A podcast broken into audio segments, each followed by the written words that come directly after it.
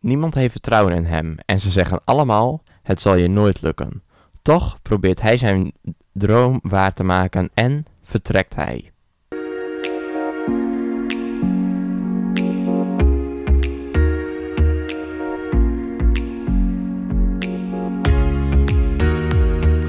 Welkom en leuk dat je luistert naar seizoen 1, aflevering 5 van Yes Fam, de podcast.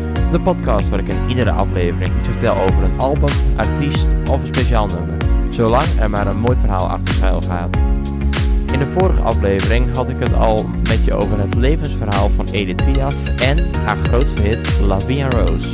Mocht je deze aflevering nog niet terug hebben geluisterd, dan zou ik deze straks zeker even terug gaan luisteren.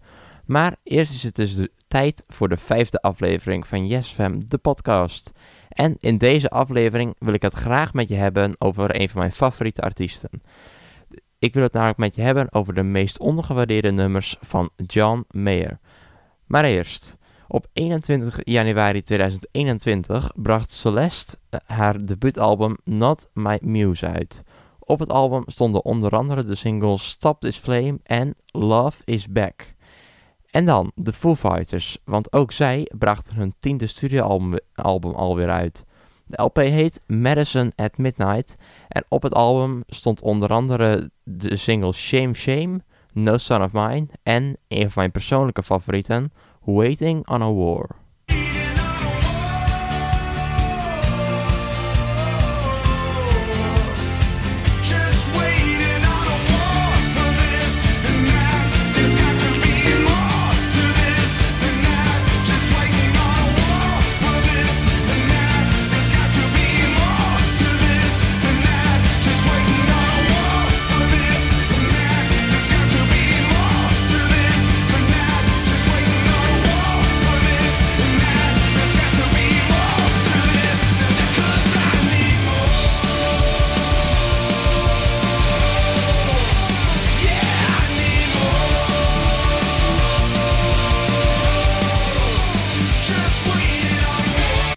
Je hoorde de nieuwe single van de Foo Fighters, Waiting on a War. En de single staat dus op hun nieuwste studioalbum, Madison at Midnight.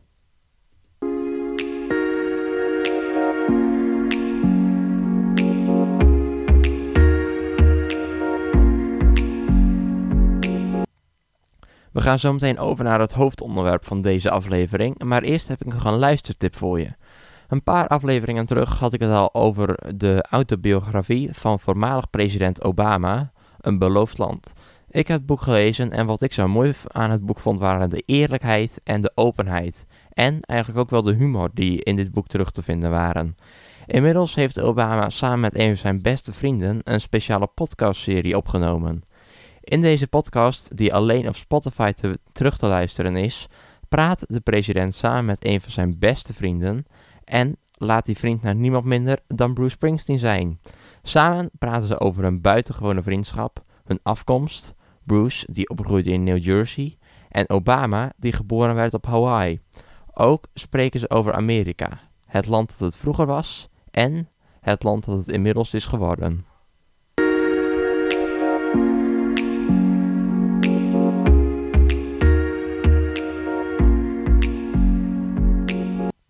En dan gaan we nu over naar het hoofdonderwerp van deze aflevering. John Mayer, we kennen hem allemaal van zijn hits als The Daughters, Waiting on a Will to Change, Gravity en Who You Love. Maar behalve de hits eh, heeft hij nog veel meer mooie muziek gemaakt. Dat ik die muziek in een speciale aflevering wel eens wilde benoemen. En daarom neem ik je in deze aflevering mee langs een paar ondergewaardeerde nummers van John Mayer. We beginnen in het jaar 2003.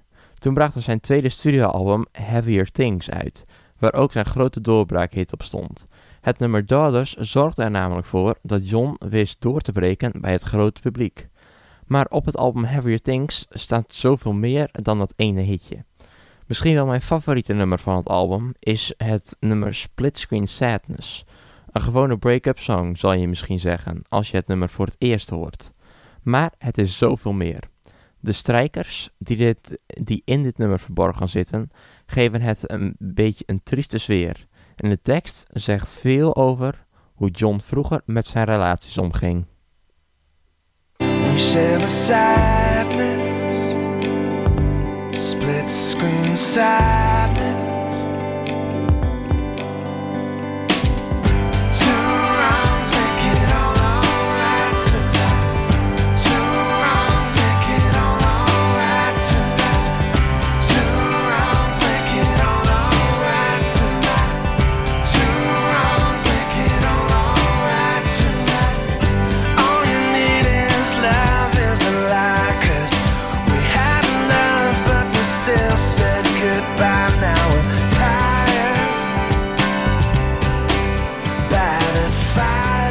Door John Mayer met een van mijn favoriete nummers van hem, Split Screen Sadness.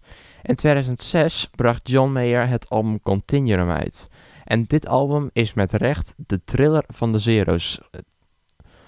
Het album dat zo succesvol is dat wat die artiest ook maakt, hoe goed het ook is, het zal voor veel mensen altijd in de schaduw blijven staan van Continuum. Want dit album valt geen enkel nummer te halen dat je ondergewaardeerd kunt noemen. Waiting on a Will to Change, Gravity, Stop This Train en het liedje dat niet eens als single werd uitgebracht, maar alsnog een hit werd, Slow Dancing in a Burning Room. Ze stonden allemaal op dit album. Na dit album gaat de zanger natuurlijk op tournee en bracht hij hier een live album van uit. Eén avond live in LA samen met John Mayer. Natuurlijk staan op dit album ook weer de hits.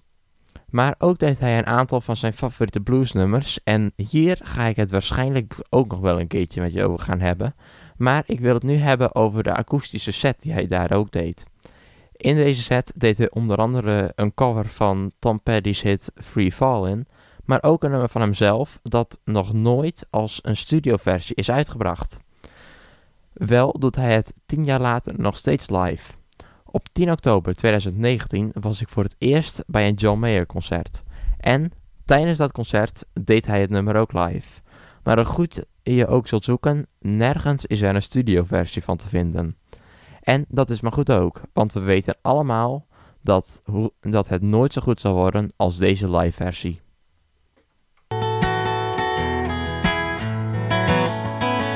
I don't think I'm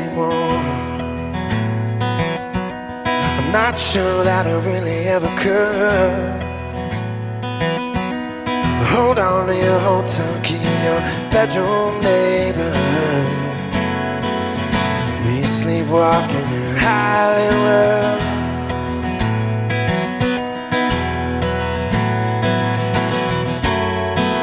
I'm gonna steer clear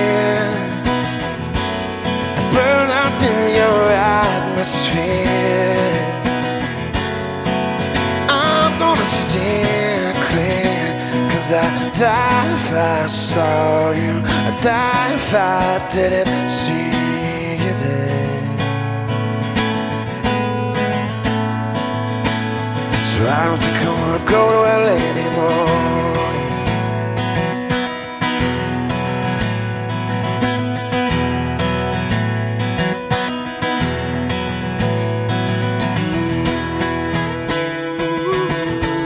Het is inmiddels alweer het jaar 2009 als John weer met een album klaar staat.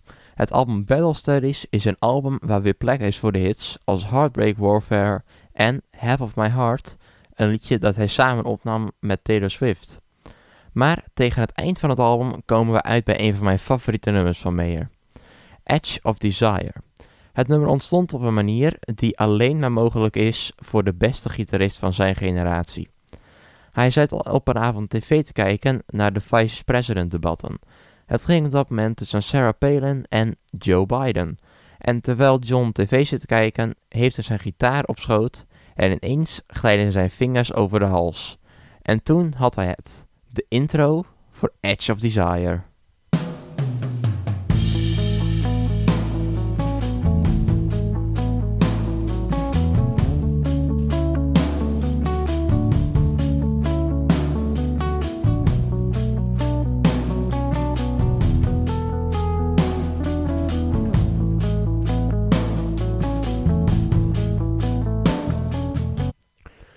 Je hoorde de intro van John Mayer's Edge of Desire.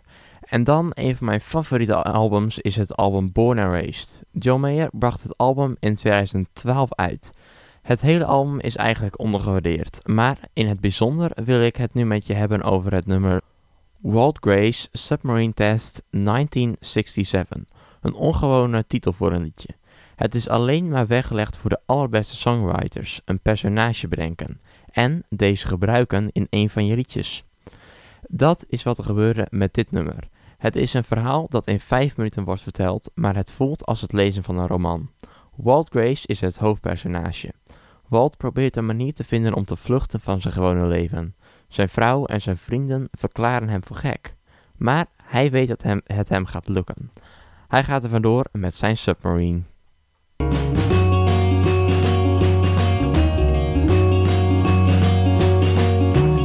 Morning, the sea was mad, and I mean it. Waves as big as he'd seen it, deep in his dreams at home. From dry land, he rolled it over to wet sand, closed the hatch up with one hand, and paddled off alone. Cause when you're done with this world,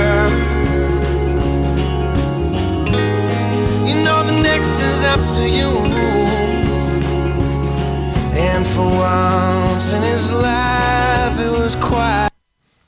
We zouden allemaal een voorbeeld kunnen nemen aan Walt. Want ondanks dat niemand hem gelooft, ondanks dat iedereen hem uitlacht en zegt: Het zal je nooit lukken, vertrekt hij. Hij maakt zijn droom waar. Maar op een dag krijgt zijn vrouw een telefoontje uit Tokio. In dit nummer wordt duidelijk dat John Mayer een enorme fantasie heeft en dat hij niet alleen maar popliedjes schrijft die goed zijn voor de hitlijsten. En persoonlijk vind ik het meest briljante aan het nummer dat we niet weten hoe het eindigt. Want we weten niet hoe het nu met Walt Grace gaat. Iedereen heeft zijn eigen einde voor het nummer. En dat kon ook door de manier waarop John Mayer het liet eindigen.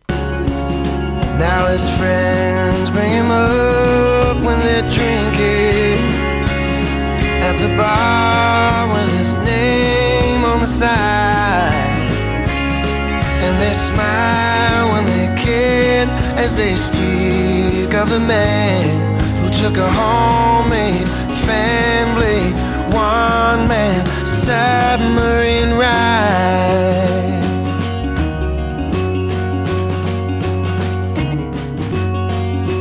Vrienden en familie drinken nog een drankje op hem. Maar waarom? Dat is de vraag. Is hij overleden en is dit misschien wel zijn begrafenis? Dit is wel wat veel mensen denken. Maar ik zie het anders.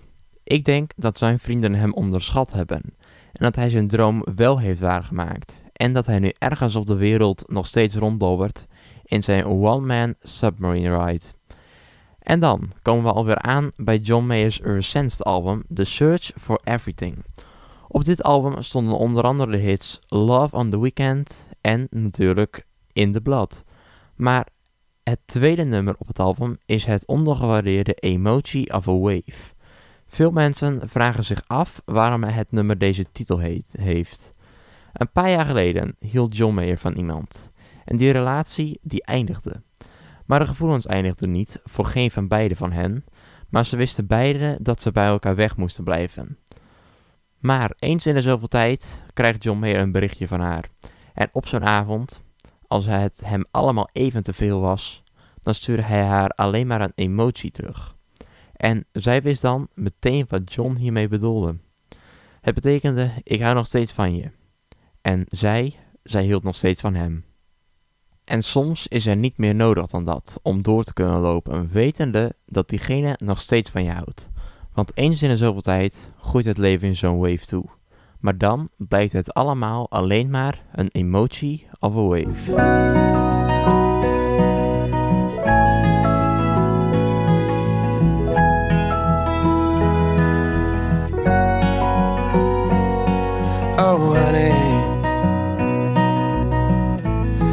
Talking to myself just to hear you, and you're saying everything I wished you would, and it's so good. It's raining on the mission bell. They're draining out the wishing well. It breaks my heart. It breaks my heart.